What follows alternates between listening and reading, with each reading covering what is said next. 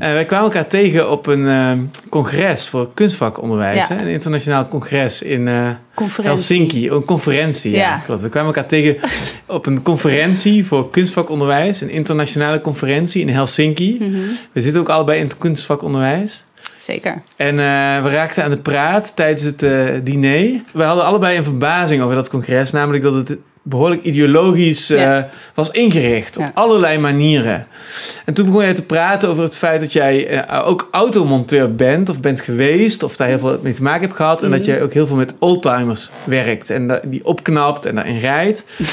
en dat was een heel interessant, dat vond ik heel leuk, omdat dat een heel leuk raam was om die, Mhm. wat, het gaat nu heel veel over ideologie en ook dus over ecologie en over duurzaamheid en verduurzaming en al die onderwerpen. Ja.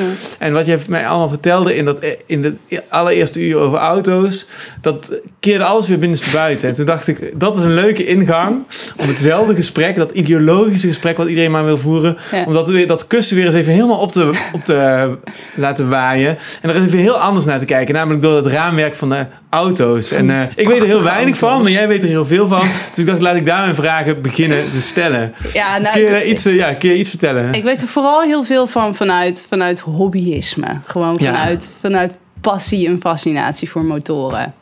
Voor auto's, ja. En dan, en dan specifiek een bepaald merk auto's... die ook eh, gewoon heel erg lang blijven rijden... en heel makkelijk te maken zijn. We reden er net in een. We gingen even Ja. Roy ophalen, die, die altijd tegenwoordig de techniek doet. en, eh, en we reden, dus we reden net, we scheurden net al door Amersfoort. Ja, in die gammele bak van mij... eh, Dat was een heel grappig eh, Ja, ritje ja. eigenlijk. Ja, nee, dat is dan ook wel mijn meest eh gare bak. Maar, ehm, maar ja, hij, hij rijdt wel al. Je ging meteen 15 scheurde je gewoon helemaal zo dwars door dat verkeer heen. En toen zei je ook van, ja, ik zit hier ook in een tank, dus het maakt ook eigenlijk helemaal niks uit. Nee, nee, en de omgeving moet ook een beetje respect voor ouderdom hebben. Hè? Dus, eh, Ja, precies. Ja, en, en soms moet je dat respect een beetje, ja, een beetje nemen. En eh, ja, dat gaat soms makkelijker dan anders. Maar ja, de afgelopen jaren merk ik ook wel een beetje dat er komt een beetje een soort oldtimer haat. Weet je, ik krijg, ik krijg soms letterlijk mensen. Ik, ik heb echt letterlijk gehad als ik dan in een straat parkeerde, dat iemand dan boven zijn raam open doet. En, je stinkt hier. Eh, en ja, dan roep ik terug, ja, maar jouw auto die stinkt in China en mijn auto stinkt hier. Oh, ja. Eh, ja, want het is gewoon niet, het is niet zo simpel. Het is niet te zeggen van, oké, een elektrische auto is ecologischer dan eh, zo'n oude auto die gewoon al 50 jaar lang rijdt. En waar je gewoon nu nog steeds, ik vertelde het jou net ook, ik heb net de nokkeas vervangen van die auto. 50 jaar oud en je kan gewoon nog een nieuwe nokkeas kopen. Je zet hem erin en hij rijdt weer verder. Dus uiteindelijk, productie van die auto's, die kosten waanzinnig veel elektriciteit. En dat is een enorme belasting. Dat wil ik niet zeggen, ik ben niet tegen, tegen eh, elektrische auto's of wat dan ook. Ik vind ze eigenlijk, eigenlijk fantastisch. Het is natuurlijk een briljante aandrijving. Het gaat knijterhard. Ehm, maar dat wil niet zeggen dat als je in zo'n oude auto rijdt... dat je dan niet, dat dat geen ecologische keuze is. Ik herinner me dat je zei van ja, je moet een auto eigenlijk bekijken van, van wieg tot graf. En als je Ja. dan een oldtimer van wieg tot graf bekijkt, Ja. is het eigenlijk heel eh, ecologisch heel eh, goed te verantwoorden. Terwijl als je denkt van. Ja, we hebben een- ik heb een elektrische auto nodig. eh, want dat is goed voor het milieu. ja. Dan moet je die helemaal opnieuw opbouwen. En dat Ja. is veel. eh, dat is misschien heel goed voor een hele verre toekomst. Maar in eerste Ja. instantie is dat heel vervuilend. Ja, er zijn gewoon, je, je kan het gewoon niet zo simpel zeggen. Kijk, als jij elke vijf jaar een nieuwe elektrische auto wil, ja, dan moet, moet dus elke vijf jaar helemaal opnieuw die elektrische auto geproduceerd worden. En die productie, die is zo. Zo'n, dat is in ieder geval bij, bij een aantal merken. Er zijn ook een aantal merken auto's die daar wel heel erg letten op. Bijvoorbeeld die, dat die productie ook wat eh, CO2-neutraler is, minder energie kost. Er zijn hele toffe automerken die bezig zijn met... eh, dus niet alleen maar cradle to grave. Dus dat is die hele cyclus van die auto, maar ook cradle to cradle.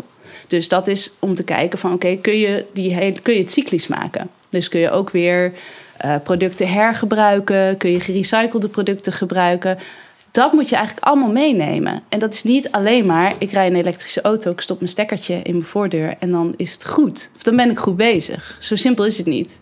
En het tweede punt is natuurlijk, waar komt de elektriciteit vandaan? En eh, ja, we weten allemaal dat niet alle elektriciteit nu groen is in Nederland. Dus dat is ook een factor waar je rekening mee moet houden. Ik ben helemaal niet, ik zei al, ik vind elektrische auto's echt heel erg tof. Ik wacht op een elektrische motor die verder gaat dan alleen maar, eh, hè, waarmee ik op zijn minst naar mijn werk toe kan. Ehm, maar ja, dat hoeft dus niet per se.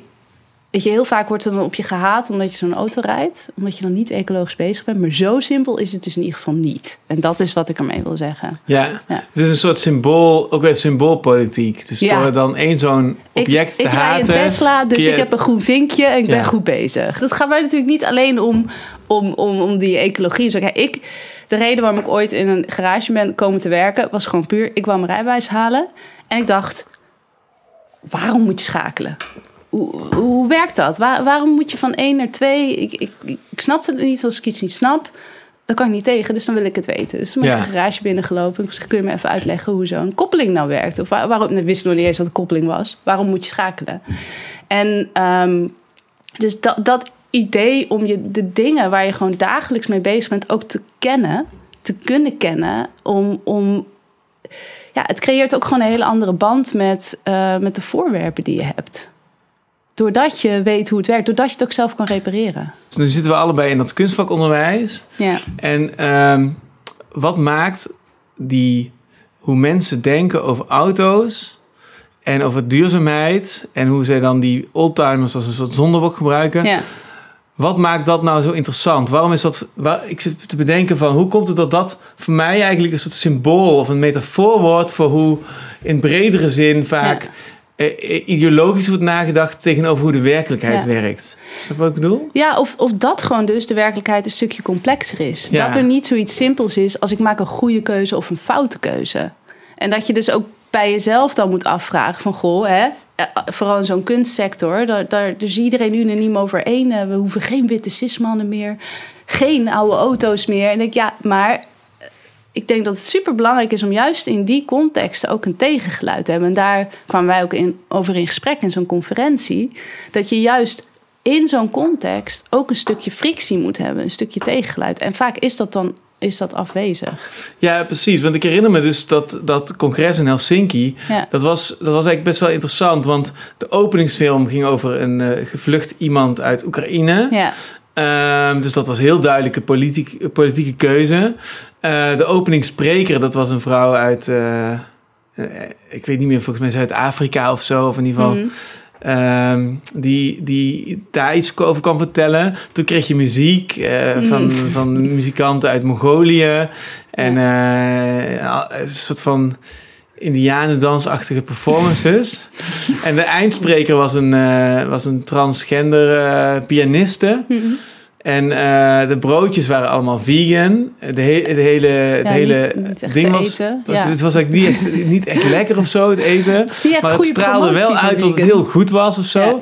En ehm er zijn allemaal wel hele hoopvol. Of ik bedoel, ik kan me voorstellen dat, dat al die mensen denken van... nou, wat zijn we toch lekker goed bezig. Ja. Want we hebben het Ja. allemaal helemaal eh, goed georganiseerd. Maar, maar, maar, maar ik ontkom er toch niet aan dat ik al die dingetjes... Die, al die goed bedoelende pogingen een beetje zie... zoals die ene opmerking van die anti-oldtimer opmerking Ja. is. Van zo, ja, dat je Ja. eigenlijk allemaal van die symbooltjes creëert... Ja. die eigenlijk voorbij gaan aan het wezen van wat daaronder zit. Ja. Ja, het was grappig, want jij had ook opgezocht dat een van de allereerste Elia-conferenties ook dezelfde thema's had. Dus Ja. soms merk je ook, is het heel veel praten over dingen. En dan mis ik ook de daadwerkelijke tools van wanneer gaan we er dan iets doen met die dingen.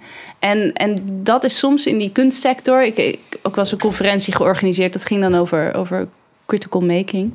Vlak voor corona. En dan was dus het plan om mensen uit de hele wereld daar naartoe te vliegen. En dan denk ik, ja, maar dit klopt conceptueel dus gewoon niet. Dit, Ja. dit, en dan kun je niet. En toen kwam nog op de tafel in, in het gesprek van ja, maar de- oh, dan gaan we wel ergens toch wat boompjes eh, sponsoren of planten. En dan denk ik, nee, wij zitten toch juist in de kunst om daar ook heel kritisch over na te denken. En het lef hebben om daar ook wat andere keuzes in te maken. Ja, dat, maar dat congres in Helsinki was ook iedereen naartoe gevlogen. Ja, tuurlijk. Ik bedoel, Ja. ik vind dat niet erg, want ik ben niet tegen vliegen. Maar het is heel Ja. vreemd om dan om, het, om, je, om, je, om, je, om je goede gevoel dan uit zo'n Mhm. uit zo'n vegan broodje te halen of zo. Ja, ja en ook dat idee dat, dat de kritische vragen, dat daar dus dan ook eigenlijk geen, geen ruimte voor is. Of dat eigenlijk moet dan zo'n zelfbevestigend geheel zijn. Terwijl ik denk juist in, hè, je zit er juist in de kunst daarvoor, toch? Om, om die frictie te hebben, om dingen echt goed te bekijken. Om te durven daarin een andere positie in te nemen. En heel vaak merk ik in die. Ik kom uit een hele andere context natuurlijk. Ik kom gewoon uit de garage waar ik acht jaar heb gewerkt. Ik heb in de Mhm. racerij gewerkt. Dat is gewoon een hele andere context. In de wat gewerkt? In de autoracerij. Oh ja, Ja. En eh, daar moet je iets meer over vertellen.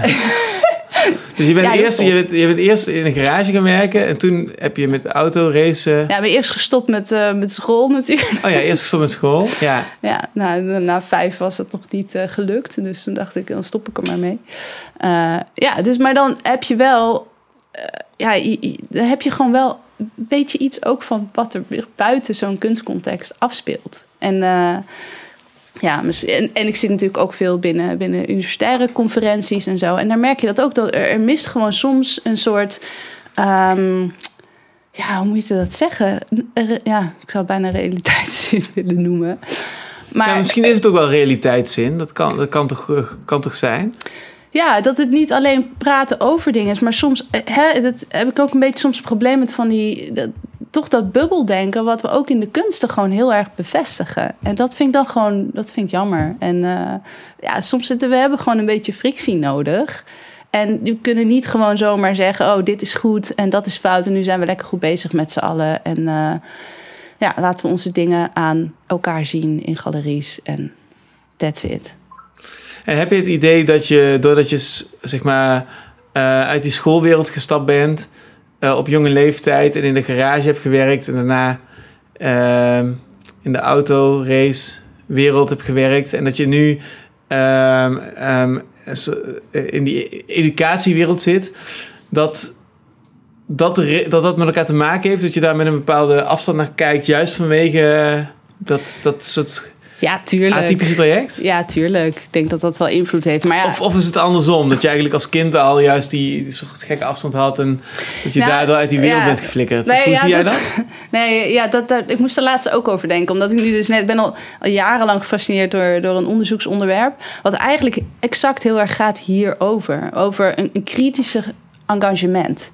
Dus binnen, binnen een context een kritische actor zijn met een, met een loyaliteit naar die context. Niet alleen maar om, om je af te splitsen en een soort tegengewicht, een soort activisme tegen een bepaald systeem. Maar eigenlijk binnen die context een kritische actor willen zijn. En ja, dat, dat, eigenlijk heb ik daar theoretisch een beetje mijn niche gevonden. Wat ik eh, ook best wel herken aan, aan dat het mij gewoon niet lukte in dat schoolsysteem. Eh, dat En kun je ik- daar iets over vertellen? Wat, wat, wat, waar liep je... Misschien moeten we dat eigenlijk helemaal afpellen. Waar liep je eigenlijk op jonge leeftijd tegenaan in dat schoolsysteem? Nou, dat je bijvoorbeeld dat je gewoon moet zitten en luisteren. En eh, als je vragen stelt of kritische vragen stelt. Ik ben letterlijk wel eens als saboteur eh, betiteld door zelfs een filosofiedocent op mijn, op mijn bachelor. En, eh, Kun je die situatie preciezer uitleggen? Weet je nog wat, dat, wat de situatie was? Of ja, als het privé nou, is, mag, mag je ook ja, zeggen weet hoor. Maar Ik weet, nee, ik weet, ik weet niet meer precies wat. Ja, nee, wel. Want wat, dat, dat ging helemaal door tot, tot aan buiten de parkeerplaats. Want het nou, was een filosofiedocent. En, eh, en, en ik zocht een beetje die frictie op. En toen zei ja, maar eh, dan ben je dus mijn les aan het saboteren. Toen zei ik, nee, volgens mij is conflict juist heel erg elkaar serieus nemen. Te durven die frictie aan te gaan is eigenlijk je super kwetsbaar opstellen. Maar ja, daar was hij het dus helemaal niet mee eens. En, eh, ja. en ik moest gewoon leuk meedoen. En waarom is dit een oerscène in jouw hoofd? Waarom is dit eh, ge- in jouw herinnering zo gebleven? Waar staat dit voor voor jou? Nou, omdat ik dus deels denk, en misschien zit dat in, in meerdere van mijn keuzes hoor, maar dat, dat, dat juist die, hetgene waar je huiverig voor bent of eigenlijk weerstand toe hebt, om daar ook juist een verbindenis mee aan te gaan, om daar een dialoog mee aan te gaan, of een discussie of een, of een worsteling of, of eh, de ring mee in te gaan, ik gebruik een metafoor, maakt niet uit. Maar, maar die, die behoefte, en, maar ook als je dat conflict aangaat, ontstaat er dus ook een ruimte om van positie te veranderen. En, en als je helemaal los blijft staan van elkaar, dan, dan ga je dat. Dan kun je ook niet loskomen van je positie. Ehm, en, en nou dit is misschien een beetje een uitstapje meer theoretisch hoor. Maar een, mijn, mijn fascinatie is dus die, die essayvorm. Waar heel erg dat theoretische, het persoonlijke en het artistieke bij elkaar komt. En dat wordt ook deels, als je echt kijkt naar, naar, naar de 18e eeuw in de literatuur, werd het gebruikt in de wetenschap als ruimte voor paradigmawisselingen. Als ruimte om echt een worsteling aan te gaan met je onderwerp. Proberen het vanaf andere hoeken te bekijken, af te breken, die paradoxen op te zoeken, zodat je van gedachten kan veranderen. En, en dat gebeurde vaak in dialoog of in, in publicaties. En ja, misschien komt het daar een beetje, een beetje vandaan. Maar en dan op was, school neem ik aan dan, goed uit. En dan op school, op school neem ik aan dat dat iets heel intuïtiefs was. En niet iets wat je, Nee, wat je op die manier was- door had. nee, Maar ik- je voelde gewoon een soort weerstand. En dan Ja, en ik je was ruzie me ook of dan gewoon leuk. gewoon niet meer? Of hoe ging dat dan? Nee, ik was natuurlijk ook gewoon een beetje aan het afzetten en zo. En eh, eh, ja, dat, eh, dat was me ook gewoon lekker aan het afzetten tegen het systeem. En dat, dat- en dat lukte heel goed, ja. ja. Dus ik werd, zo heb ik meerdere scholen gehad. Maar uiteindelijk wel mijn HAVO gehaald En- op mijn 25 of zo. En, eh, en, en eh, meerdere scholen gehad, zeg je. En, en kwam je op al die scholen datzelfde, kwam je datzelfde tegen? Nou, ik heb dus ik heb best wel veel. Misschien heeft dat ook wel invloed gehad hoor. Ook op mijn basis. Ik heb best wel veel verschillende basisscholen gehad. Dalton onderwijs. ehm, gewone publieke school. Wat was er nog meer? Je hebt er nog eentje. Montessori school. Eh, dus dan maak je. Dat vind ik wel heel tof. Ook dat je hier heel veel verschillende schoolsystemen kan hebben. Ehm, Maar dan krijg je ook best wel die diversiteit mee. Dus op mijn basisschool had ik dat helemaal niet zo, maar wel veel verschillende dingen meege- eh, meegemaakt qua schoolcontexten. Maar op een of andere manier, ja, op de, op de middelbare school zocht ik ook gewoon heel erg die, die, die grens op. Dus ja, toen ben ik van de ene afgegaan, van de andere afgetrapt. En eh, uiteindelijk staatsexamens en volwassen onderwijs gedaan. Ja. Maar ja, uit- uiteindelijk, ik vind nog steeds, als ik bijvoorbeeld ook op eh, eh, middelbare scholen eh, stage heb ik daar gelopen. Ik vind nog steeds dat juist die meest kritische studenten. ook bij mij op school, de meest kritische studenten, d- d- die moet je omarmen. Daar moet je super blij mee zijn. En eh, gelukkig heb je dan ook vormen daarvoor, zoals de OC en, en dat soort dingen. D- daar moet je blij mee zijn als instituut, als opleiding. En dat is gewoon de nieuwe garde die aankomt. Dus ik, heel vaak is er een soort weerstand en afstand tegen dat conflict. Of willen we eigenlijk heel graag dat iedereen met elkaar eens is. Terwijl, ja, ik vind eigenlijk moet je deels ook die, die dat, ja, niet per se conflict, maar die paradox wel een beetje opzoeken. Het, het is niet, eh, eh, ik word altijd een beetje zenuwachtig op het moment dat iedereen eh, ja en amen en zit te knikken. Ja. Ja, dan, zou, dan ergens hebben we dan, ik weet niet, kom je elkaar ook niet echt tegen. Ja, precies. Dat vond ik dus ook, dat herinner ik me nog heel goed van Helsinki. Ja. Wat ik er lastig aan vond, was dat je dus, dus op, op, op het moment dat je zeg maar vier dagen lang Ja. een congres hebt met allemaal sprekers.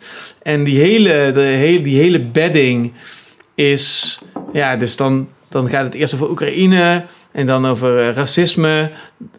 Met, met, door zijn spreker op te voeren. En dan gaat het over culturele toe-eigening door Mhm. inheemse culturen op te voeren. En dan gaat het over transgenderisme en over, eh, over eh, het anders zijn. En dan gaat het over ecologie en je ecologische vo- voetafdruk, want dat zit dan in die broodjes. Mhm.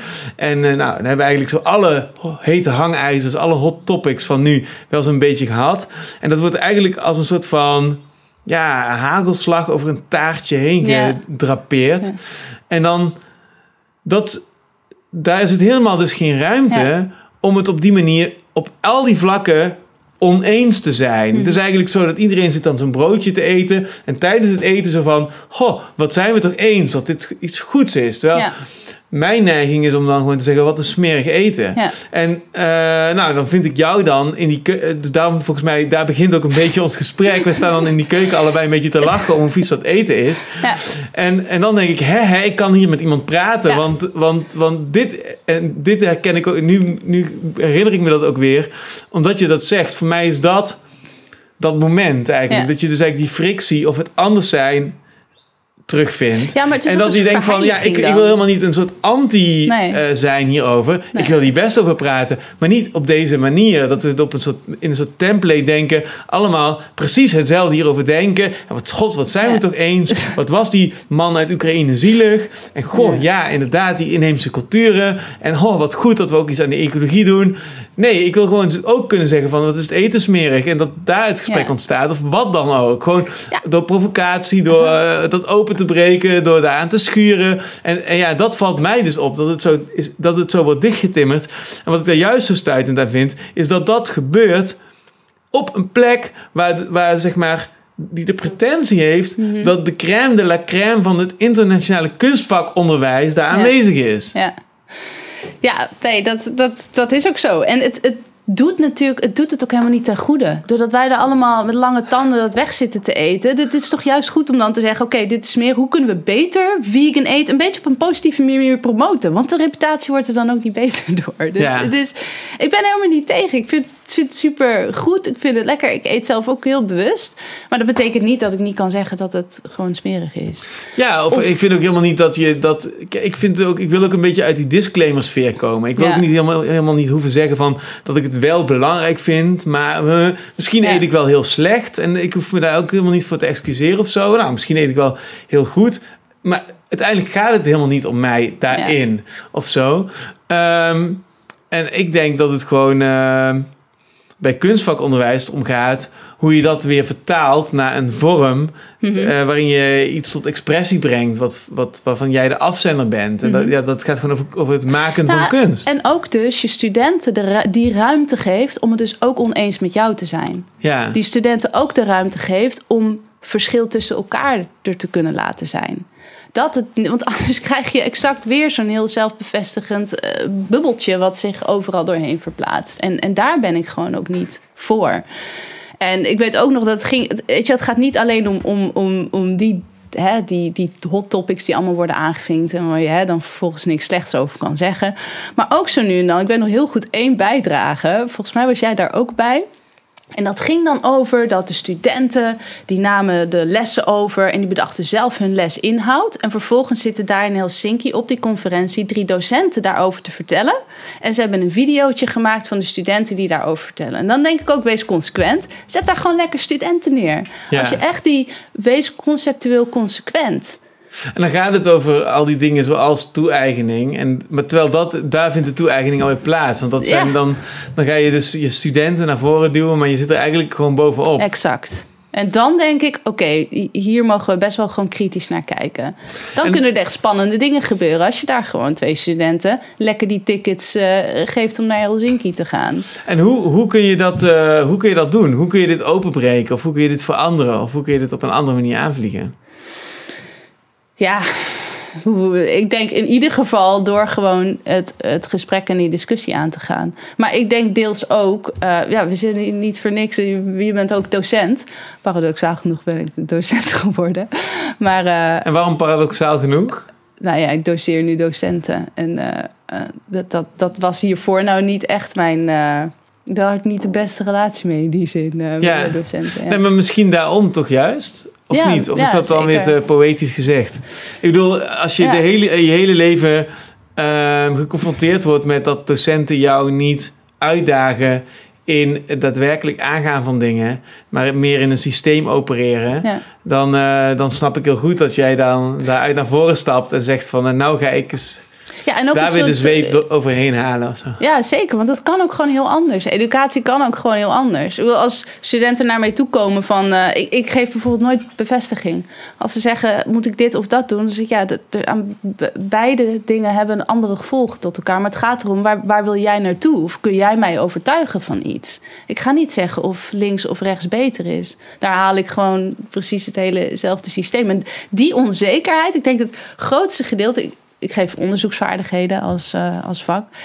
Ik denk het grootste gedeelte ben ik bezig met dat studenten leren comfortabel te zijn met onzekerheid. Leren die onzekerheid op te zoeken en daar, daar juist de groei uit te zien. Want dat is het moment waarop je je eigen aannames kan bevragen, echt nieuwe dingen kan ontdekken. En niet alleen maar conclusies op elkaar opstapelen die je zelf hebt gevonden.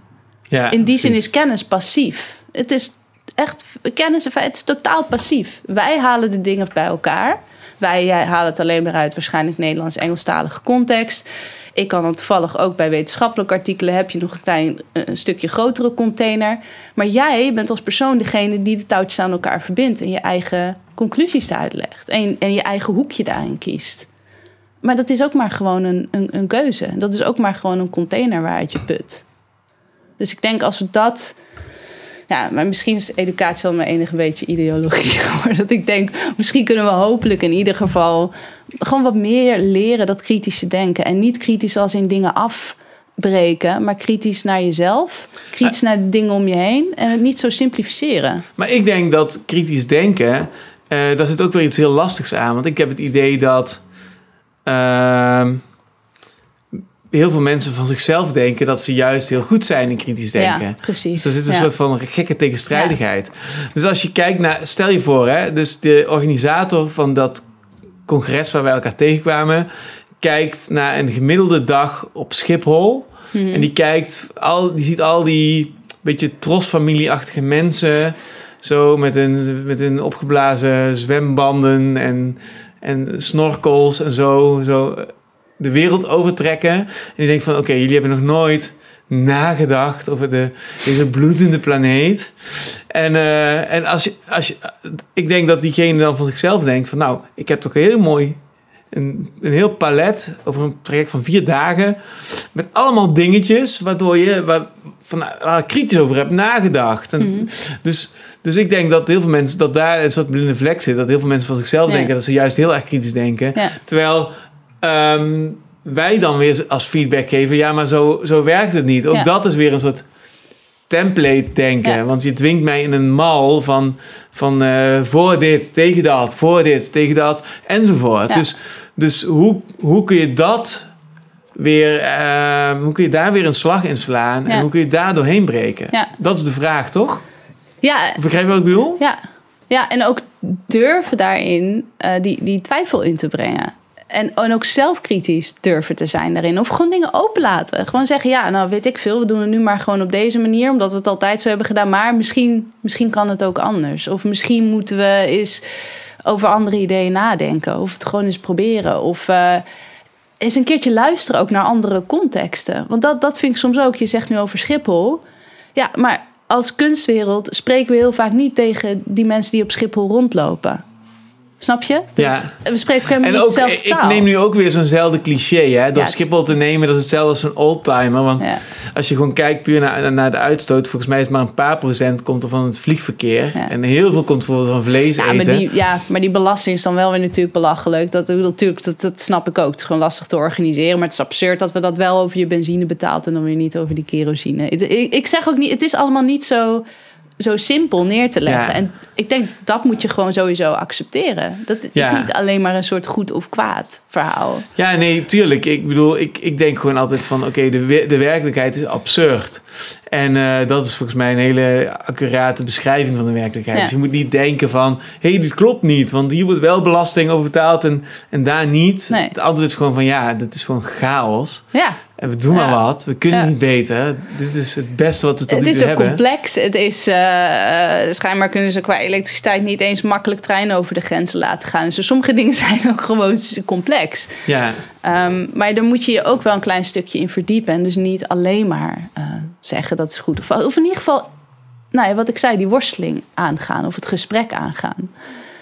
Ja, en, en dat ik, ik heb één keer ook een project, eh, eh, project gedaan. En dat was met wetenschappers, kunststudenten en bouwvakkers.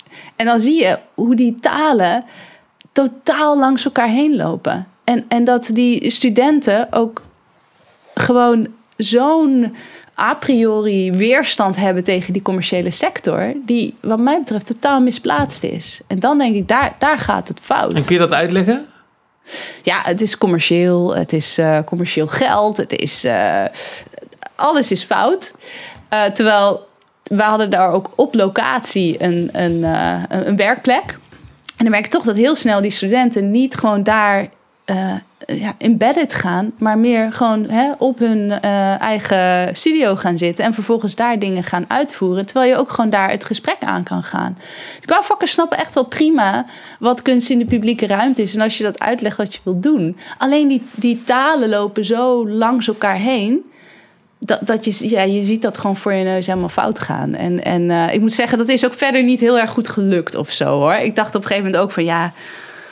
Maar ik vond het fascinerend. Ik, denk dat is een van die kernpunten, denk ik, soms met kunst. Dat, dat je hebt zelf al half niet door hoeveel jargon je gebruikt. En hoe, hoeveel mensen je daarmee afschrikt.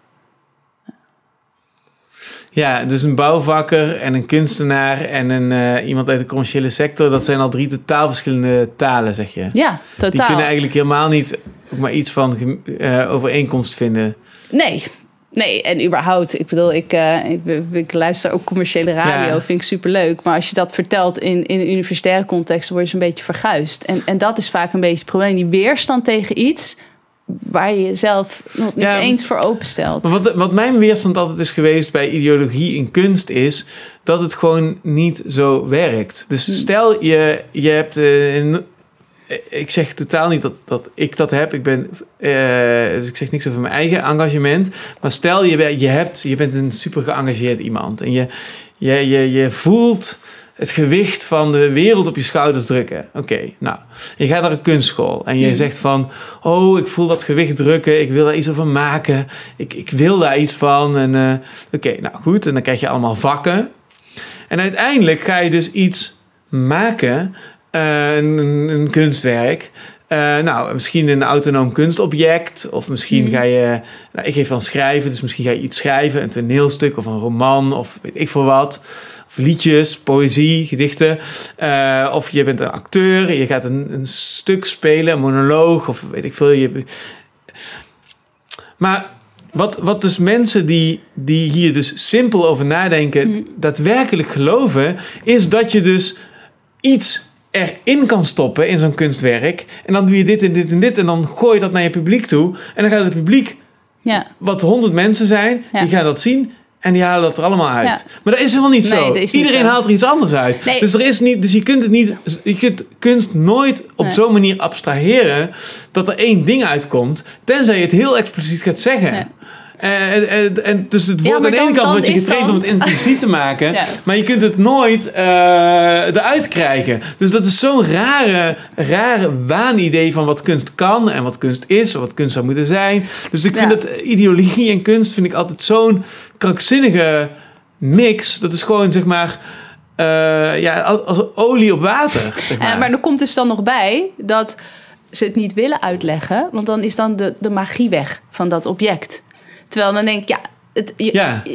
nee, Je- sorry, mensen dat moeten doe het er wel uithalen. Ja, je Dus hebt even zeggen van, ook eh, even een samenvatting. Ja, je durft het ook gewoon te communiceren. En wat ik ook niet vind, is dat je eh, dingen moet versimplificeren. Dat is Ja. ook totale onzin. Je hoeft het niet simpeler te maken. Soms is het een andere taal, eh, een ander jargon. Of bijvoorbeeld, wat, soms heb ik het over eh, complexe onderwerpen. Eh, eh, zoiets als gasvrijheid, xenofobie. En dan gebruik ik een, een andere parallel, zoals bijvoorbeeld mijn honden. Gebruik daarnaast. En dan hoeft iemand misschien niet al die, al die dingen te snappen van de wetenschappelijke artikelen, weet ik het wat. Maar kan wel een, een andere laag daarin snappen, een parallel. En ik vind wel die openheid, ja, dat, dat ik zou ik aanmoedigen ja. om het eh, genuanceerd uit te drukken. Ehm, dat is het ook heel vaak onderschatten we denk ik ook vanuit de kunst iets van ja, nou dat, dat wordt dan niet begrepen of dat is te ingewikkeld of te moeilijk en dat is, vind ik ook totale onzin. van Maar het is, gewoon, het is gewoon zo raar als je het helemaal probeert te doordenken. Hè? Dus stel, stel je voor, ik probeer weer even een kunstenaar in mijn hoofd te halen die dan het heel erg vindt eh, wat de staat van de ecologie is. Mhm. Dus eh, oké, we hebben global warming, we hebben dus, de opwarming van de aarde, we hebben gif, gifstoffen, al die dingen. Ehm, dus de, de uitsterving van soorten. Nou, deze kunstenaar vindt dat heel erg. En die gaat dan een toneelstuk maken waarin die ergte eh, in alle vezels voel- voelbaar wordt. Dat toneelstuk is nog altijd. Dat gaat, iemand gaat, niemand gaat zo, wat ik nu zeg, letterlijk op het toneel zeggen. Zo van, het is erg, het is erg. Dus dat zit er dan een beetje impliciet in. Dus, dus eh, weet ik veel, eh, dat is een beetje poëtisch of bla bla bla. En dan stel ik me voor dat die, die bouwvakker die we net hebben be- besproken... en die, die, die, die reiziger, die trosfamilie van, die op Schiphol komt... en die, commercie- die man uit de commerciële sector en nog allerlei andere mensen in die zaal zitten. En dus oké, wat zie je voor je? Mhm. Dat die mensen naar het stuk kijken en dat die die helemaal zo bijna zoals eh, als betoverd zo helemaal Ja. zo en die gaan die zaal uit en die denken van maar wacht eens even ik ben helemaal veranderd want voor deze voorstelling had ik gewoon liep Ja. ik gewoon rond met een soort van idee dat dat dat dat, dat een dat, ik, ik was helemaal niet mee bezig. En de, ik ben helemaal aangeraakt. En nou ga ik in één keer goed hierom. Nee, natuurlijk. Ja, maar het gaat nog een stap verder.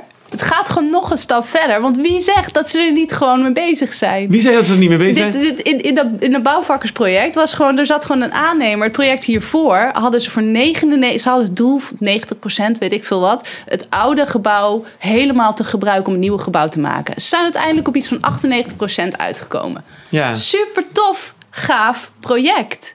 En dan komen dus die studenten met die aanname van... hoe commerciële sector zijn zo fout bezig. En denk ik, eh, sorry, dit is daadwerkelijk iets heel tofs... wat in de praktijk is gedaan en gebeurd. Dus het is niet alleen, oh, wij zenden en oh, dan gaan zij... Ja. door. Nee, er zit superveel, ook in de commerciële sector... zit Ja. superveel... En die trosfamilie, dat is eigenlijk ook, als we, dat, als we, als we daarop inzoomen. Ik ben nu die, die zogenaamde linkse progressieve kunstenaar. die even gekscherend op zo'n Joep van Hek manier zegt. Oh, daar loopt weer een trosfamilie over Schiphol. Maar nu zoomen we de camera in. Ja. En we weten helemaal niks van die mensen. Dat is Ja. gewoon dat, dat die nou ook even één keer per jaar stoom af willen blazen. in een ander land. In, in, in, in eh, weet ik veel, in, eh, laten we zeggen in. Thailand. Ja, die gaan naar Thailand. Omdat die vrouw vorig jaar heeft gezien. dat als je gaat kamperen in, in, in, in, eh, in Frankrijk tegenwoordig. één met de natuur, zoals zij vroeger altijd deed toen ze zelf tien was. dat ze daar tegenwoordig 2.000, 3.000 euro voor kwijt is. Ze kan dat niet meer betalen. Terwijl ze merkt van, nou, vier vliegtickets naar Ja. Thailand is nog goedkoper dan met een Peugeotje naar Frankrijk rijden. Dus dit is, dit is even wat. Mhm. ehm, ja, hoe we tegenwoordig, hoe we eigenlijk ehm, met Ja, dat is- clichés ja. eh, kijken. Terwijl het helemaal niet, we weten helemaal niet hoe die beelden in elkaar zitten. Nee, en weten we ook niet. Als je niet, als je niet het gesprek aangaat of de worsteling aangaat, dan weet je dat ook gewoon niet. Als Ja. je gewoon vanuit die afstand en die bubbels naar elkaar kijkt, ja, dan is dat makkelijk zeggen. Terwijl dat is, zo makkelijk is het gewoon niet. Ja.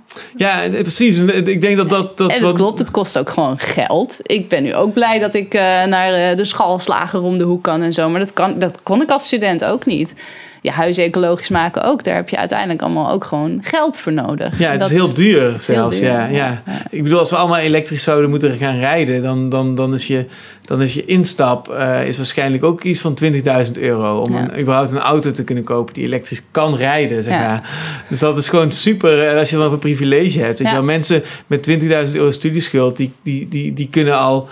Eh, meestal eh, tegen de tijd dat ze, ge- dat ze met pensioen gaan, hebben ze dat nog niet afgelost. Zoveel Ja. geld is dat voor mensen. Ja.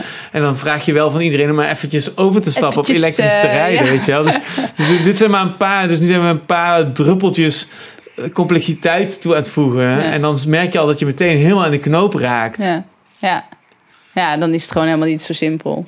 Ja. Maar dat vind ik dus heel grappig eraan. Ja. als ik dus dan wel zou kunnen kiezen, dan is het soms, het zijn gewoon soms van die zulke maffe dingen. Bijvoorbeeld wij hebben hier in Nederland hebben Lightyear. Ik weet niet of je kent Wat Lightyear. is dat? Lightyear. Dat is dus de Nederlandse auto voor, met zonnepanelen. En eh, die, die is echt helemaal hier ontwikkeld en geproduceerd. Dus dan hoef je niet eh, bij te je niet die zware accu's. Want je, die accu's van elektriciteit, je moet die accu's voortbewegen die jouw elektriciteit op. Het is super onpraktisch. Dus dat is een, een, een, een auto op zonnepanelen. En, eh, maar die is nu, nu gegaan. Die eerste auto kostte 2,5 ton of zoiets. Dus daar was flink research and development geld in gegaan. Ehm, en die tweede wouden ze dus wel betaalbaar maken. En dan denk ik, ja, dit zijn toch dan initiatieven die we toch gewoon niet kunnen laten gaan. Of niet failliet kunnen laten gaan. En niet, dat, dat, dat, dat, daar moet je juist ook investeren. En dus er ook voor zorgen dat het makkelijker toegankelijk is. Gewoon voor precies een norm- normaal salaris. Ja. Het doet me ook een beetje denken, je had, je had zo'n tegenlichtaflevering waarbij die man gevolgd werd die de Fairphone wilde maken. Eh, ik weet, oh ja, jij hebt er een, ja. En dat Ja, een elkaar kan halen. Ja, en dat was een hele leuke aflevering. Ook omdat ehm, hij heel goed liet zien waar hij tegenaan liep. Want Ja. op een gegeven moment gaat hij dan naar China om aan die onderdelen te Ja. komen. En dan merkt hij gewoon van ja, maar zodra ik, ehm, zodra ik dit op iets grotere schaal wil gaan uitbreiden, dan vroeg of laat kom, stap ik altijd op een landmijn. Want het, uiteindelijk heeft het altijd weer wortels in de slavernij, in de moderne slavernij. Ik krijg hem gewoon niet slaafvrij. Want Nee. waar ik. Want ik moet gewoon op den duur altijd opschalen. Ja. En zodra ik ga opschalen en meer productie, eh, hoe zeg je dat? Dus moesten sowieso al, weet ik veel hoeveel onderdelen. Het ging echt om duizenden verschillende, om duizenden verschillende frutseltjes en onderdelen. En als je dat maar, eh, als je die maar allemaal bij elkaar, eh, hebt, dan, eh, dan wordt dat ding heel duur inderdaad. Ja. En dus heb, moet je die allemaal op iets grotere schaal inslaan, zodat Ja. je meerdere telefoons kan maken. Dat is allemaal te regelen, want iedereen wil zo'n Fairphone hebben, want iedereen wil een, een schuldvrije telefoon heus wel Nou, hebben. iedereen wil. Bij, Nou, ik als ik om me heen kijk bij mijn collega's, hebben ze allemaal iPhones. Ik heb Dus- ook een iPhone hoor. Maar Ja, ik, ik zeg niet iedereen. Nee, maar ik bedoel, uiteindelijk voor de- gemak. Het is, ik wil zeggen, de, de afzetmarkt is niet het probleem. Je, eh, de, er tekenen genoeg mensen op in eh, om dan dat te willen aanschaffen. Maar je loopt uiteindelijk spaak op het feit dat je dan Ja. ja. op grotere schaal dingen moet aanschaffen. En dat dat gewoon niet kan zonder dan weer daaruit te komen. Ja. ja, nee, is ook zo. Maar ik denk ook, deels haakt dit ook weer in op, op met die auto's. Ik, heb, ik moet eerlijk zeggen, ik begin ben van Apple naar, naar eh, zo'n Android systeem en die Fairphone. En helemaal vlekkeloos gaat het niet. Maar toen dacht ik me, ja, ik accepteer ook van mijn auto dat het niet helemaal vlekkeloos gaat. Dat die soms hapert, dat ik hem soms moet reageren, repareren, al dat soort dingen. Waar, waarom kan ik dat niet dan ook gewoon van mijn elektronica accepteren? Het, en dat is ook, we- accepteren ook die, dat ongemak of die frictie of die hapering dan gewoon niet. En precies, dan, dan kiezen we voor, je- voor, voor een, een, een, een, Apple. Maar Ja. ga dan niet heel kritisch lopen doen. Eh, en dat is het meer hoor. Kijk, eh, iedereen mag een Apple kopen, daar gaat het mij niet om. Maar op het moment dat je, dat je heel kritisch bent en daar heel kritisch over praat, het heeft weer met die vorm inhoud te maken. Met dat je conceptueel consequent bent. Wees dan ook kritisch naar jezelf en zeg: Oké, kies nu dus wel voor gemak. Als we het allemaal in die kunstsector niet zouden doen, als mijn collega's dan ook gewoon een Fairphone kopen, dan, dan, dan stimuleer en sponsor je ook iets. Nou, ik merkte dus in het Dus de kunstvak... handeling en de, wat je zegt, dat die twee dingen die lopen dan spaak. En daar kan ik dan vaak niet tegen. Ja. Ja, ja, nou ja, wat ik dus heb gemerkt toen ik jonger was, toen was ik veel principiëler dan nu. Mhm. Eh, ik ben eigenlijk met de jaren steeds milder geworden. Ja. Maar toen ik, toen ik net was afgestudeerd en voor het eerst eh, eigenlijk de markt op moest, toen sloot ik dus met al mijn principes totaal niet aan op die markt. Ja.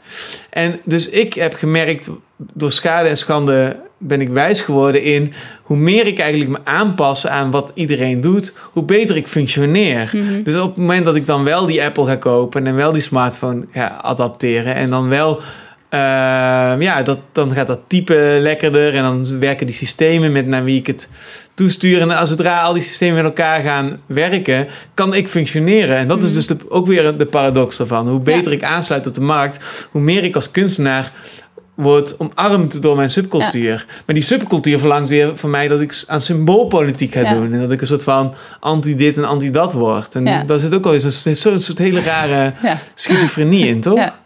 ja, nee, dat vind ik ook wel. Ja. Ja. Maar ik zou, het is misschien ook een beetje het stukje het voordeel dat je gewoon niet. eh, dat je ook uit een andere context komt. Hoe bedoel je? Nou, dat, dat, dat, dat je die ervaring van dat contrast hebt. Omdat jij daarvoor een andere keuze hebt gemaakt, ervaar je dat contrast. Kun je op, opnieuw een keuze maken. Omdat ik niet per se uit die kunstwereld kom, origineel, er- ervaar je hem ook vanaf een, andere, vanaf een, andere, vanaf een ander perspectief. En dat vind ik super belangrijk, dat je dat er altijd een soort van inhoudt. Of in ieder geval, ik ben daar altijd wel een beetje naar op zoek. Hoe kan ik ik ben met sommige dingen ook enorm van gedachten veranderd. En, en dat vind ik spannend als dat kan gebeuren. Als, ik echt, als je jezelf kan verbazen en kan denken... ja, het is toch helemaal anders dan ik had gedacht. En, en- Ja, eigenlijk zou dat, eh, dus dat, daar zou de wetenschap en het kunstvakonderwijs een overlap moeten hebben. Ja. Dat je dus niet een vooropgezet plan hebt en niet je vooropgestelde Zeker. hypotheses, maar dat Ja. je je juist laat verrassen. En dat je denkt van, oh, ik was hier helemaal niet... eh, ja, Ja, ik bedoel... Neem alleen al dit gesprek. Ja. Ik kom hier naartoe en ik denk van... Ah, we gaan het echt eh, twee uur lang over auto's hebben. Maar ik kom er meteen achter dat ik helemaal geen vragen heb over, daarover. En eigenlijk hebben we al binnen een minuut... hebben we gewoon... Oh ja, dat hebben we eigenlijk al gezegd. ja, wat is die knock-out nou precies? Waar zit die nou? Wat doet Ja, die? ik, heb helemaal, ik weet er te weinig van af. Dus Ja. ik, ik, ik, ik schrik eigenlijk van, van die eerste gedachte. Ik denk van, vrek, waarom zit ik hier eigenlijk? Dus Ja. ik moet daar iets mee. En dan ineens komen we op een, op een heel ander spoor. En dan raken we in een soort diepe. Ja.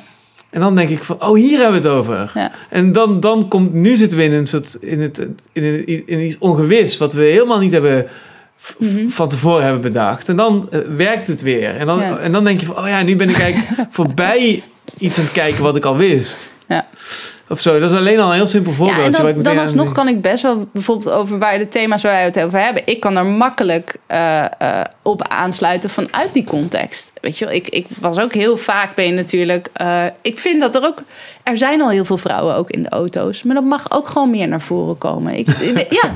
En, en ik vind dat ook elke vrouw gewoon denk of, of, of überhaupt laten we het niet eens over, over vrouwen hebben. Dingen als bijvoorbeeld uh, uh, vechtsport of, of je auto kennen. Gewoon, ik denk dat het waanzinnig veel oplevert. En het zijn van die stereotype dingen.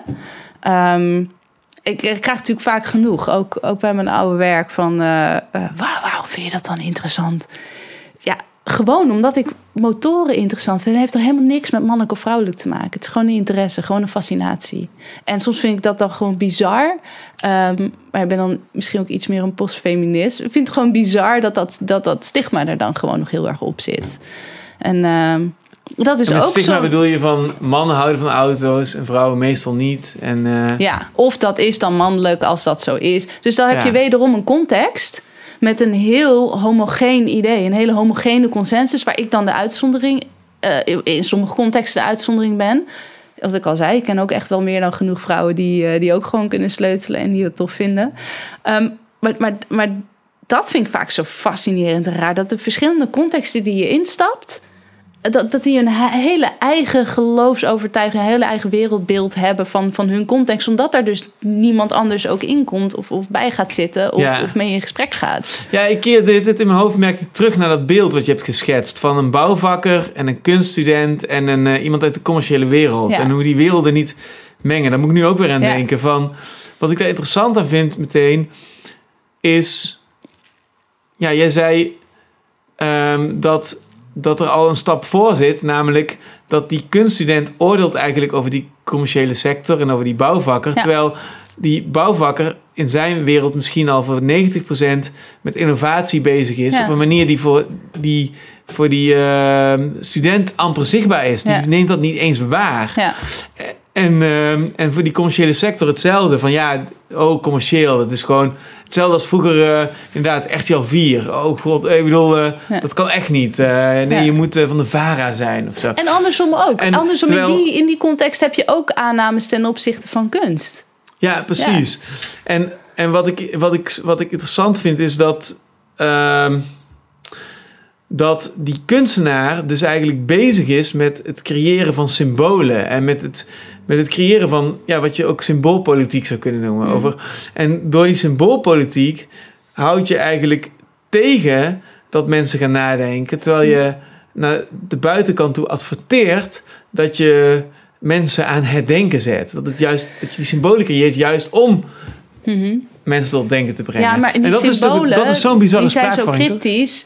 dat het weer alleen maar datzelfde groepje mensen aanspreekt... die, die dan allemaal daar ook weer mee eens zijn. Ja, die gewoon de symbolen kennen. Ja, precies. Zeg maar, dus, Ja. dus de- ik ken heus wel de symbolen. Ik weet heus wel wat het betekent als er op een congres in Helsinki... eh, als de, de, de crème de la crème van het kunstvak onderwijs zich verzamelt... Mhm. om daar naar, con- naar, eh, naar, naar talks en naar eh, lezingen en naar werksessies te gaan... Mhm. als die tussen die sessies door een broodje krijgen... en dat broodje is belegd met vegan kaas... dan begrijp ik het symbool van die vegan kaas. Ik, Mhm. ik zit in die codificaties. Ik, ik, ik, ik weet dat het op een soort Bourdieu-achtige manier iets betekent. Namelijk, ehm, wij zijn goed voor de wereld. Hm. Maar als je dus... Ik probeer eigenlijk... Ja, god, wat probeer ik nou te zeggen? Ehm, ik vind het interessant om dat, om dat broodje vegan kaas in botsing te brengen... met, dat, met, die, met die bouwvakker en die, en die, ehm, Ja, en die commerciële wereld. Ja. En, en waar, ja, waarom dat... Waarom Ja. dat arrogant is om dat broodje daar neer te leggen en te denken dat je daarom er al bent. En wat er met een wereld gebeurt als je alleen nog maar in die symbolen denkt. Hm. En waarom je er helemaal niks aan hebt. Als je dat helemaal. Dus dat wij het met 100 of 200 mensen helemaal eens zijn met al die codetjes. Mhm. Terwijl we dus niet eens zien dat die bouwvakker er al mee bezig is, terwijl wij er niet mee bezig zijn. Ja. Want wij, wij, wij zijn gewoon be- bezig met onze eigen winkeltjes. ja. Ja. Ja, maar het- ja, ik zei al, het, werd, het, werkt soms, het werkt soms ook andersom. Ik bedoel, zoals bijvoorbeeld zo'n zo'n elektrische auto ten opzichte van deze. Eh, eh, ik, ik, ik, ken, ik heb ook vrienden van mij die daar automatisch dan al iets tegen hebben. Oh, elektrisch. Oh, omdat dat zo heel gesymboliseerd wordt als het is iets Ja. goeds. En dan is dat ook het enige. Hè? Je moet dat groene vinkje zetten. Maar eerlijk, het is ook super rap. Het, het ligt super goed op de weg. Het, het, het is super rap. Ik zou ook een elektrische auto willen rijden. Ook om die reden. Ja. Maar dat, als we, dat kunnen we ook gewoon wat meer adverteren. Het is niet alleen... eh, hè, het, het- je creëert precies van die, van die symbolen... die ook andere mensen juist weer kunnen afstoten. Ja. Ja. ja, precies. Dus je zegt eigenlijk van ja, het, je haalt eigenlijk ook heel veel weg bij gewoon het, eh, het, het, eh, er gewoon naar kijken op een niet-politieke manier. Ja. Ja. Wat zijn de voordelen van een elektrische auto los van de ecologische voordelen? Ja, Gewoon en ook als je dan naar ecologisch kijkt, durf dan ook te zeggen: oh ja, goed, waar, waar komt mijn stroom vandaan? Hoe wordt die auto geproduceerd? En dan kun je alsnog elke keuze maken die je wil, maar neem het in ieder geval een soort van in, in ogenschouw. En vergelijk dat dan met het feit dat, dat ik een oud barrel rij van 50 jaar oud. Eh, dat, dat- het een hoeft niet per se een contrast te zijn van het andere. Het is een andere. De, de keuze is gebaseerd op andere argumenten en op andere overwegingen. En het een is niet per se slechter of beter, want ik, ik denk dat is gewoon een platitude om dat zo neer te zetten. Maar op zijn minst is het dan een bewuste keuze. En, en, en denk je dat we daar ooit, dat we daar ooit naartoe kunnen? Of denk je dat, we nu, dat het nu zo, dat het eigenlijk zo ontzettend ideologisch doordrenkt is, alles, dat dat, dat gesprek eigenlijk nooit meer af, af te buigen is in de goede richting? Of kijk maar dat gesprek niet af. Ik vind het zo, soms zo absurd. Ik, wil, ik ben ook fan van eh, hè, de, de, de Nationale Autoshow en zo. En dan denk ik, kom, luister daar gewoon eens een keertje. Luister eens naar dingen uit andere contexten ook. Want ja, nou, dat gewoon. Luister eens gewoon naar dingen uit andere contexten. We zijn zo gewend om alleen maar tegen elkaar te praten in die kunstwereld. En misschien is dat in elke wereld zo en in elke sector. Maar ik zei al, daar, daarom ben ik vaker wat meer gefascineerd door waar vindt dan dat verschil of die, of die frictie plaats. En dat opzoeken. En waar vindt dat dan plaats? Nou, door ook met mensen in gesprek te gaan die er misschien anders over denken. En dan de moeite te doen om, om dat uit te vogelen. Waar denken we dan precies anders over en waarom? Waar baseer je dat op? En, en niet alleen maar vanaf een afstandje precies te zeggen: oh ja, dit zijn de KLM-mensen en dit is het eh trosgezinnetje. Zo, zo simpel kun je het gewoon niet zeggen. Ja, aan de ene kant denk ik altijd van, het komt altijd met golfbewegingen. Dus ik Mhm. denk van, nu zitten we gewoon in een hele ideologische golf. En dat En gaat er weer dialectiek. voorbij. En aan de andere kant denk ik van, het is nu zo overal... dat Mhm. ik eigenlijk bijna niet zie hoe we eraan kunnen ontkomen. Waaraan kunnen ontkomen? Aan alles door die ideologische bril bekijken, zeg Ja. maar. Dat zie ik zeker in het kunstvakonderwijs. Ja. Het is gewoon, er zijn, heel veel mensen zijn er nu van overtuigd van... oké, nee, maar kunst om de kunst, dat, dat kan gewoon echt niet meer. Zeker niet in, Nee. in de kunsteducatie. Het is, het, ja, je moet wel iets... En, en dus ik denk dan altijd van... oké, dus, dus dan de, de, de, de mensen die dat denken... en die op machtige posities zitten... die, die, die zorgen er dus voor dat er dadelijk alleen nog maar kunst kan bestaan die symbolen creëert. En net hebben we het eigenlijk over gehad hoe, hoe averechts dat werkt. Dus dan, Ja. dan, dan, dan wordt de kunst eigenlijk als geheel ja, eh, overbodig of tandeloos. Of, eh, en dan denk ik, dat is natuurlijk ook wat heel veel mensen al beweren. Zo van, ja, het is een, als mensen tien jaar geleden zeggen het is een linkse hobby, dan bedoelen ze eigenlijk dat. Ja. Zo van, ja, het, het heeft helemaal niets te maken met, met mij of met Ja. wat ik meemaak. Want eh, het is gewoon een soort van circle jerk van wat jullie van Ja, tegen elkaar zeggen. Maar ook een soort van zelfkritisch zijn naar het, het systeem erachter. Ik bedoel, het, het, het, ook kunst heeft zijn eigen economische systeem. Ook kunst heeft zijn eigen institutionele systeem. En als je dan naar hele simpele dingen krijgt, zoals eh, inclusie en diversiteit. De meeste vacatures komen niet echt open. Zoveel vacatures worden in ieder geval, hoe, ik het heb ervaren, worden via via ingevuld. En dan denk ik, dat, dan geef je geen ruimte ook. Dat, dat, heel vaak denk we kunnen soms ook best bijvoorbeeld naar een commerciële sector kijken, waar hele toffe ideeën ook daarover zijn. En, en, en zelf als kunstsector gaan kijken, oké, hoe kunnen we dit dan beter aanpakken? Uh, en, en daar wordt ook heel vaak aan voorbij gegaan. Dus er zitten ook allemaal van aan of zo. Ja, nee, we gaan gewoon al die mensen invliegen van overal. Want ja, dat is toch belangrijk. En, en die basis gewoon bevragen gebeurt heel vaak niet. En soms vind ik dat ook met van die vacatures. Dan sta ik er altijd op. Nee, het moet gewoon een, open vacature zijn. Om mensen er gewoon de ruimte en de kans te geven. Waar zet je die vacatures uit? Uh, we zijn uh, nu bijvoorbeeld waar ik werk, heb ik ook gezegd. Nou, eigenlijk wil ik gewoon studenten krijgen zonder cv. Dus ja. zonder, zonder cv. Wel portfolio. Maar dat zijn hele kleine keuzes die, die je maakt die heel vaak niet worden gemaakt. Waardoor je continu een heel zelfbevestigend systeem krijgt. En dat begint al op bijvoorbeeld de middelbare school. Uh, waar ik een keer, uh, ik, ik, heb daar ook wel stages gelopen. Dan heb ik gewoon portfoliobesprekingen gedaan. Omdat gewoon heel veel studenten wisten niet eens wat een portfolio was of wat werd bedoeld. En een heel groot gedeelte die weet dat wel, om, omdat je al wat meer met die context in aanraking komt. Ja. Dus ik vind ook heel vaak dat we zelf niet moeite genoeg doen om ook het eigen systeem te bevragen en af te breken en het anders aan te pakken. Ja, dus, dan, dus wat je eigenlijk zegt is oké. Dus stel dat we dat. Dus ik vind diversiteit en inclusief, inclusie. vind ik natuurlijk ook ideologische platitudes. Maar wat jij zegt volgens mij is: oké, dat kun je wel zeggen, maar laten we het gewoon eens aannemen. Laten we gewoon zeggen: oké, misschien is diversiteit of inclusiviteit wel belangrijk. Dan nog steeds, zeg jij volgens mij, is mijn ervaring dat, uh, dat, dat, dat de mensen die dat zeggen of vinden of denken te vinden, zelf helemaal niet daarmee bezig zijn op een daadwerkelijk inclusieve ja. manier. Want de meest simpele dingen die je zou kunnen doen, ja. iedereen elke dag opnieuw voor zichzelf zou kunnen doen, worden niet waargemaakt, worden niet gehaald. En uh, dat is wat je zegt, toch? Ja, nou, en dat komen we ook weer op die conferentie uit, of, of op die, die Tesla-rij, dat je gelijk denkt, ja, groen flinkje klaar. Dan ben ik klaar. Ja. Nou, dan hebben we het goed gedaan. Ja, het staat op de agenda. We hebben er een workshop over gegeven. Nou, doen we het goed, dan is het klaar. Nee, zo simpel is het gewoon niet. Je, je moet fundamenteel dingen bevragen en durven te veranderen. En dat gebeurt dan heel vaak niet. En daar, daar word ik dan een beetje... Dat is weer die, die kunstenaar die ik net verzon, die dan in dat theaterzaaltje staat. Die denkt dat dat... En die, ja. die dan gaat praten. Dat, toen jij zei toen van, nee, er zit zelfs een stap voor. Toen dacht ik ook van, er zit nog een andere stap voor. Er komt helemaal geen moment dat die, dat die gast staat te spelen... en dat die bouwvakker en die man in de commerciële sector... en die trosfamilie in zijn zaal zitten. Want die zitten helemaal niet in zijn wereldje. Die, nee. die zijn niet geïnteresseerd in dat theater wat hij maakt. En, en andersom is hij niet geïnteresseerd nee. in het bereiken van het publiek. Het zijn gewoon niet communicerende... Dus, dus dat is al, het ja. is al helemaal... Uh, en dat is al helemaal door alle keuzes die je maakt. Hè? Bijvoorbeeld met zo'n auto ja. heb je aanspraak met andere mensen. Met, weet je wel, dat is ook een deel, bijvoorbeeld uh, uh, mijn honden die jij tolereert. Als ik daar hier mee over het station loop of hier achterloop, heb ik aanspraak met hele andere mensen omdat uh, uh, dat gewoon bij een bepaald stereotype hoort. Ja, je hebt twee pitbulls, toch? Ja, ik heb twee ja. pitbulls. Ja.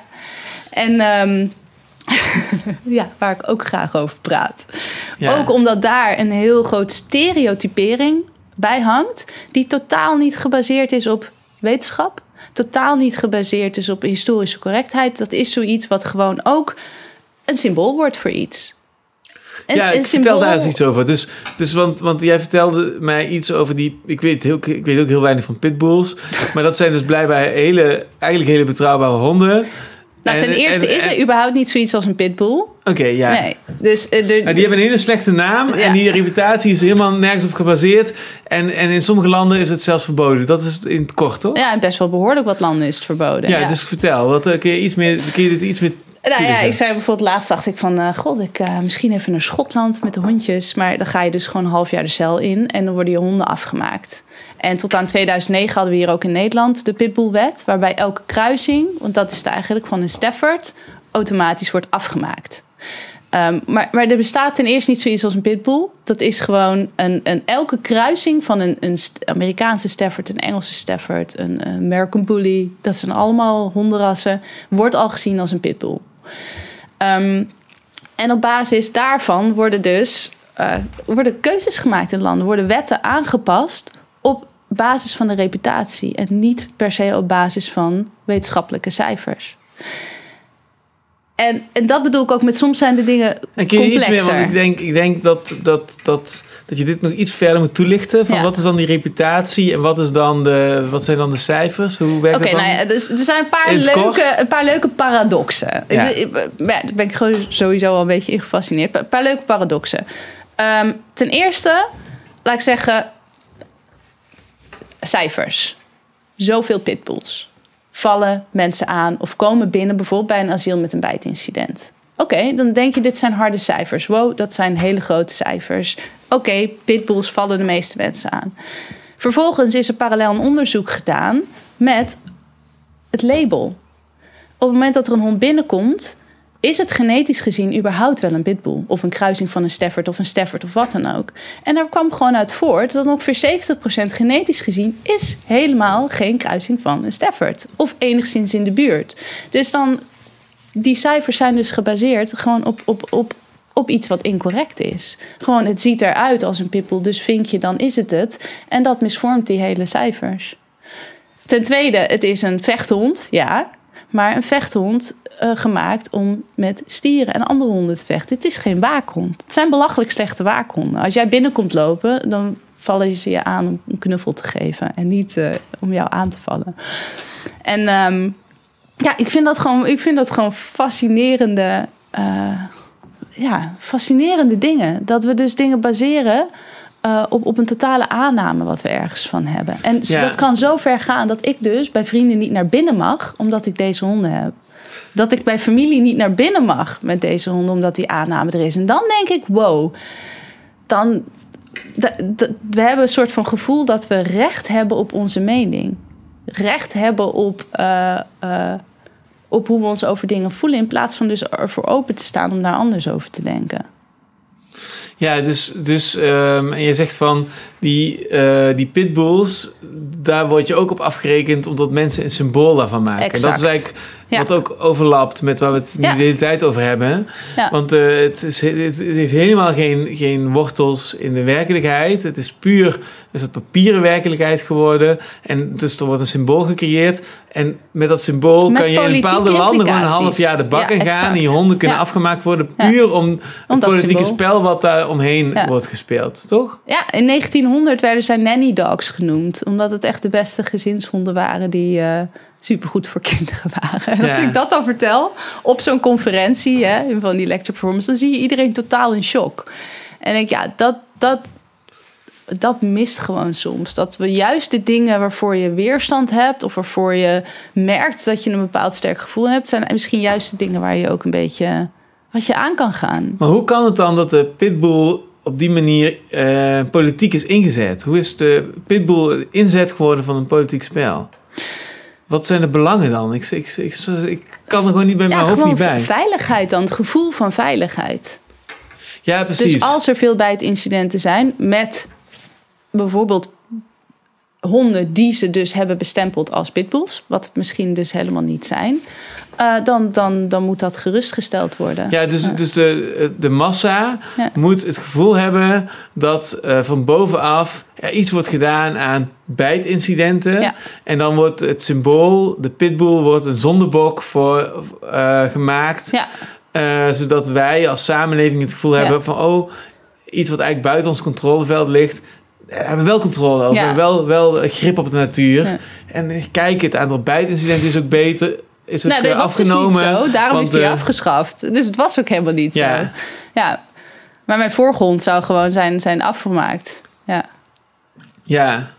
Ja, en ik heb het idee dat dat, dat is ook nu heel erg gaan, gaan rommelen. Want ik heb het idee dat dus al die dingen... Dus gaan we weer terug naar het allereerste beeld van het congres... waar wij elkaar dan tegenkomen. eh, waar dan die broodjes liggen en waar die. Oekraïne-film... en die transgender en die vrouw uit Afrika... en die, en die, en die indianendansen allemaal plaatsvinden. En van al die mensen met al die, al, eh, al die dromen en idealen... allemaal zeggen van, goh, wat goed en wat fijn en wat belangrijk... Is ook goed en eh, fijn en belangrijk. en, Daar en daarvan van, heb je nu een hele, hele grote andere groep. En die zegt van.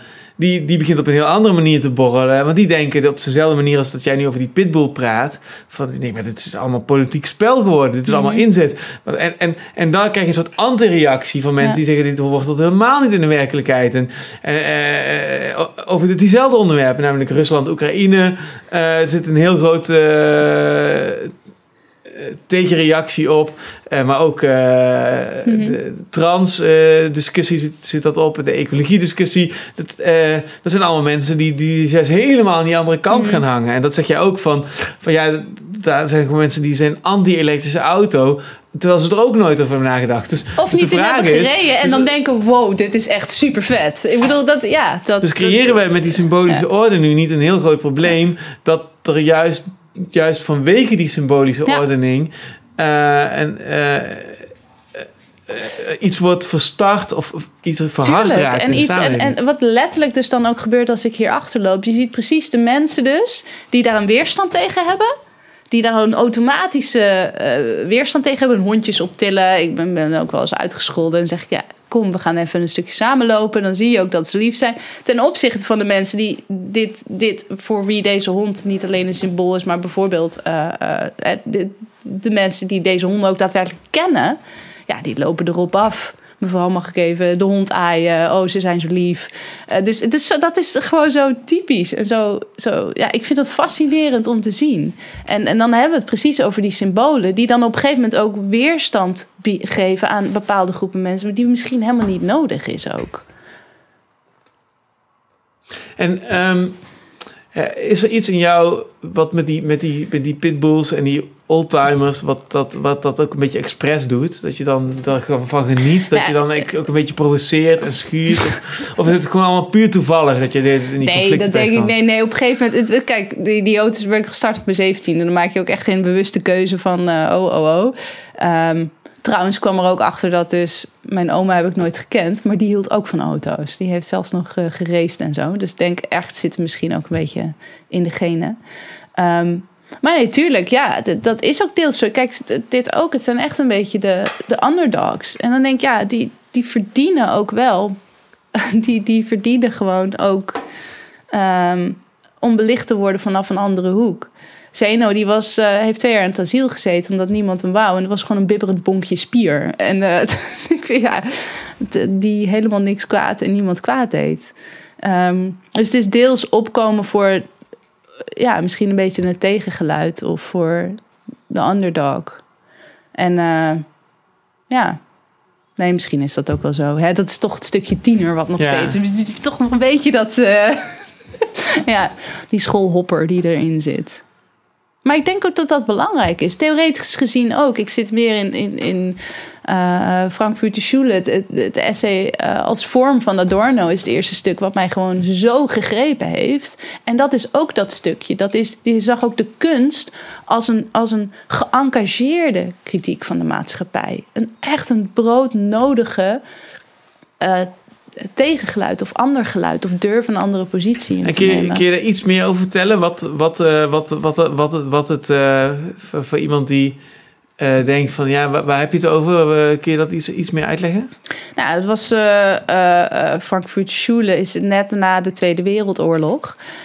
En, en er was ook de enorme behoefte om een soort tegengeluid te hebben. Dus op het moment dat een massa ergens naartoe gaat, om daar binnenin een, tegengeluid te hebben. En ook eigenlijk tegen eh, symbolen of tegen kunst inzetten eh, met symbolen. Maar ehm, ja, niet, niet vanuit een je onttrekken vanuit die context in een soort autonoom hokje, maar eigenlijk juist in relatie tot die maatschappij en die context. Maar wel absoluut die, eh, ja, en kritiek, precies kritiek wordt nu, die mensen denken dat alleen al spuien ergens op, dat dat dan kritiek is of activisme kritiek is. Um, maar ik zoek hem denk ik veel meer in die, in die geëngageerde kritiek. Um, dus juist binnen een context, om het dan op te zoeken. En ja, dat, dat, dat denk dat ik daarin wel vaker die keuze maak. Um, misschien ga ik hierna poedels nemen. Als het een beetje te ver doorschiet. Ja. Maar die frictie opzoeken. En, en kun je daar een voorbeeld van geven? Hoe, hoe zoek je dat op? Of hoe zie je dat voor je? Weet niet of ik daar een voorbeeld van ga. Waar, waar, naar wat voor een voorbeeld zoek je in gesprek? Nou, ik probeer in... gewoon het concreet voor me te zien. Dus hoe, wat is het verschil dan tussen die, die, die twee dingen? Nou, bijvoorbeeld, uh, uh, nou ja, laten we die honden als voorbeeld nemen. Um, in eerste instantie mocht bijvoorbeeld bij, bij mijn oom, die wou eigenlijk, vond hij dat heel spannend om die honden binnen te hebben. Die, die, dat is gewoon niet typisch in die context om die honden te hebben.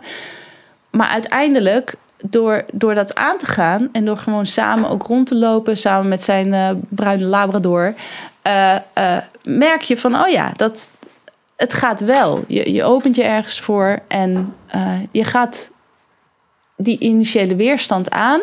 En dan verander je je mening daarover. Of dan kun je opnieuw een andere positie daar ten opzichte nemen. Ik denk dat dat. En ik moet zeggen, ik heb dat zelf ook vaker gehad hoor. Dat ik dacht met dingen van: oké, ik sta hier.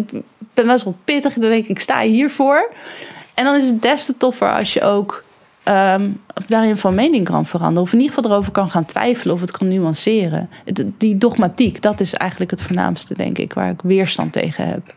Ja, dus je zegt ook van, van ehm, vanuit na de, na de Tweede Wereldoorlog was er ook eh, behoefte aan om juist die wereld van die symbolen te doorbreken, Ja, zonder de- je geëngageerde positie daarin te verliezen. ja, Dus het is eigenlijk ironisch, of misschien niet ironisch, maar maf, dat we nu, dat nu het engagement eh, groter dan Ja. ooit lijkt. De betrokkenheid met de, met de wereld waarmee het dan verkeerd gaat, Mhm. groter dan ooit lijkt.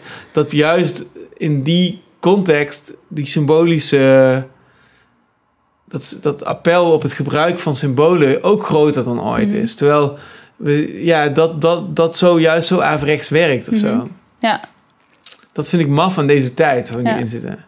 Ja, ik, ik ga ook nog heel even reclame maken voor mezelf. Eh, dat plak ik altijd aan het begin, maar ik doe het altijd aan het einde. Ehm, mocht je nou denken, wat een, eh, wat een prachtig, prachtig initiatief, deze, deze show. Ik kijk het elke week op YouTube, op Spotify.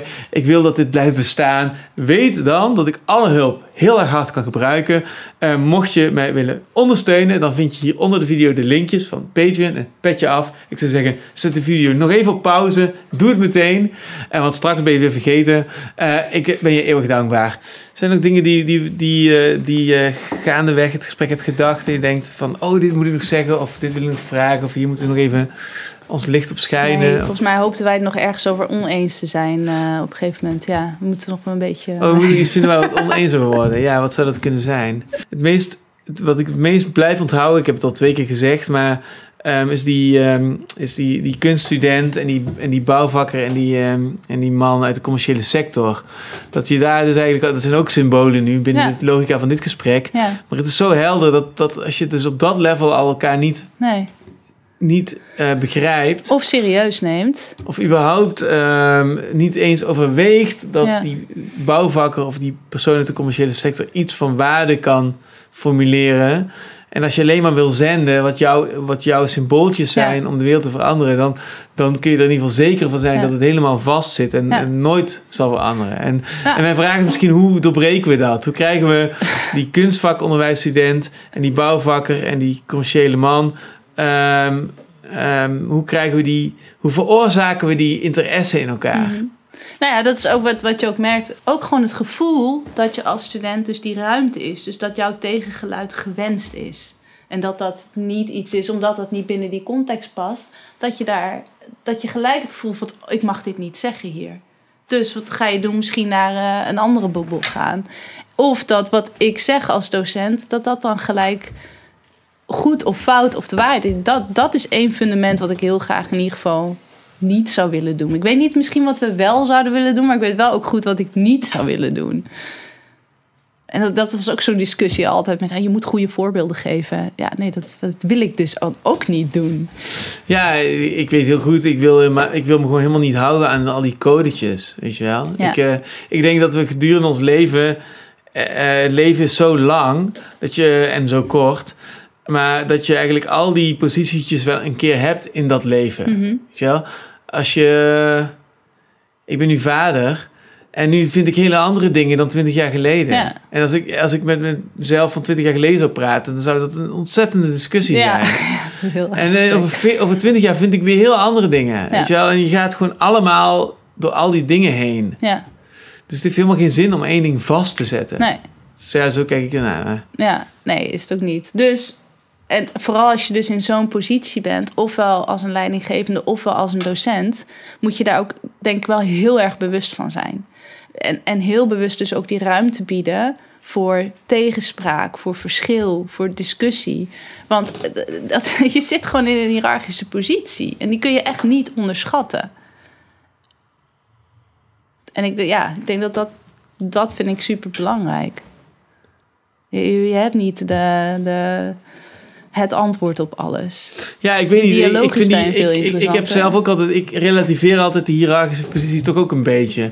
In mijn ideale les ben ik gewoon onderdeel van het gesprek. Ja, maar je En ik zit het wel cijfer. voor. Nou, in het ideale geval geef ik ook geen cijfer. Dat, Ja. doe, dat, dat, ik moet er wel een beoordeling aan koppelen. Ja. Maar in mijn ideale geval is een beoordeling een stukje tekst waarin ik een soort hint geef. Mhm. Of het liefst ook een soort raadsels of wat paradoxen of wat tegenstrijdigheden. Waarin ik dingen aanwijs van een student wat patronen zijn. Maar Mhm. zodat die student dat ziet als een spiegel. Zodat Mhm. iemand denkt van, oh zo zit ik blijkbaar in elkaar. En in het ideale geval leert een student, wacht eens even... Ik heb deurtjes, ik heb opties. Ik neem meestal deur 1, maar ik kan Mhm. ook deur 2 of deur 3 pakken. En zodat diegene strategieën ontwikkelt voor zijn eigen kunstenaarschap. En eh, in het ideale geval zit ik dat voor. En eh, is er een gesprek. En ben ik gewoon tijdens het gesprek onderdeel zelf ook van het gesprek. Mhm. En stel ik gewoon de vragen die ik oprecht die in me opkomen. En, in, in, in, in, en leert een student zichzelf kennen. Ja. En leert zijn eigen werkwijze kennen. En leert naar een soort autonome of of zelfstandigheid toe te werken. Zodat die student over tien jaar of over twintig jaar, als hij zelf in zijn atelier zit, gewoon uit zichzelf Mhm. eh, die dingen kan doen. Ja. Ja. Dus ja, zo sta ik daarin. En dat- voor mij, ja, je, je hebt natuurlijk wel verantwoordelijkheid. En, eh, maar, maar, maar ook, ook zelfs die, die hiërarchische positie is alweer heel, heel ambigu en relatief en dubbelzinnig. Zo zie ik dat ook Ja, maar hij is er gewoon wel. Dus je kan hem ook dan...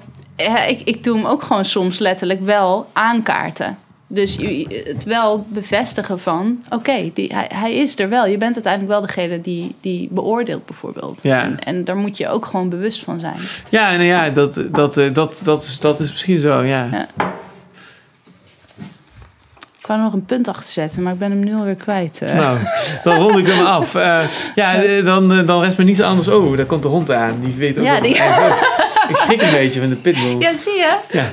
Eh, Ze komt knuffels aan. Ja. ja. en eh, oh, daar zijn ze allebei. zie je? Maar ik ben sowieso... ja, ik ben, bent, je ik ben bang voor alle niet. honden. Je bent bang voor alle honden. Ja, Nee, dat dus, ik hele dus ik vind de pitbull eh, gewoon, is ja. gewoon een hond waar ik bang voor Ja, ben. En niet, ja. niet de... Nee, maar ik denk, ik weet alweer het punt. Ik denk wat wij wel overeen, eh overeen hebben, is dat je ergens zoek je altijd een beetje die paradox op. Oh, Dus niet, ja. niet de, eh, de dogmatiek of niet de- het idealisme, maar ergens altijd toch op zoek naar die, nou, of het dan een frictie is of, of de paradox. Ehm, maar iets wat zichzelf niet geheel oplost.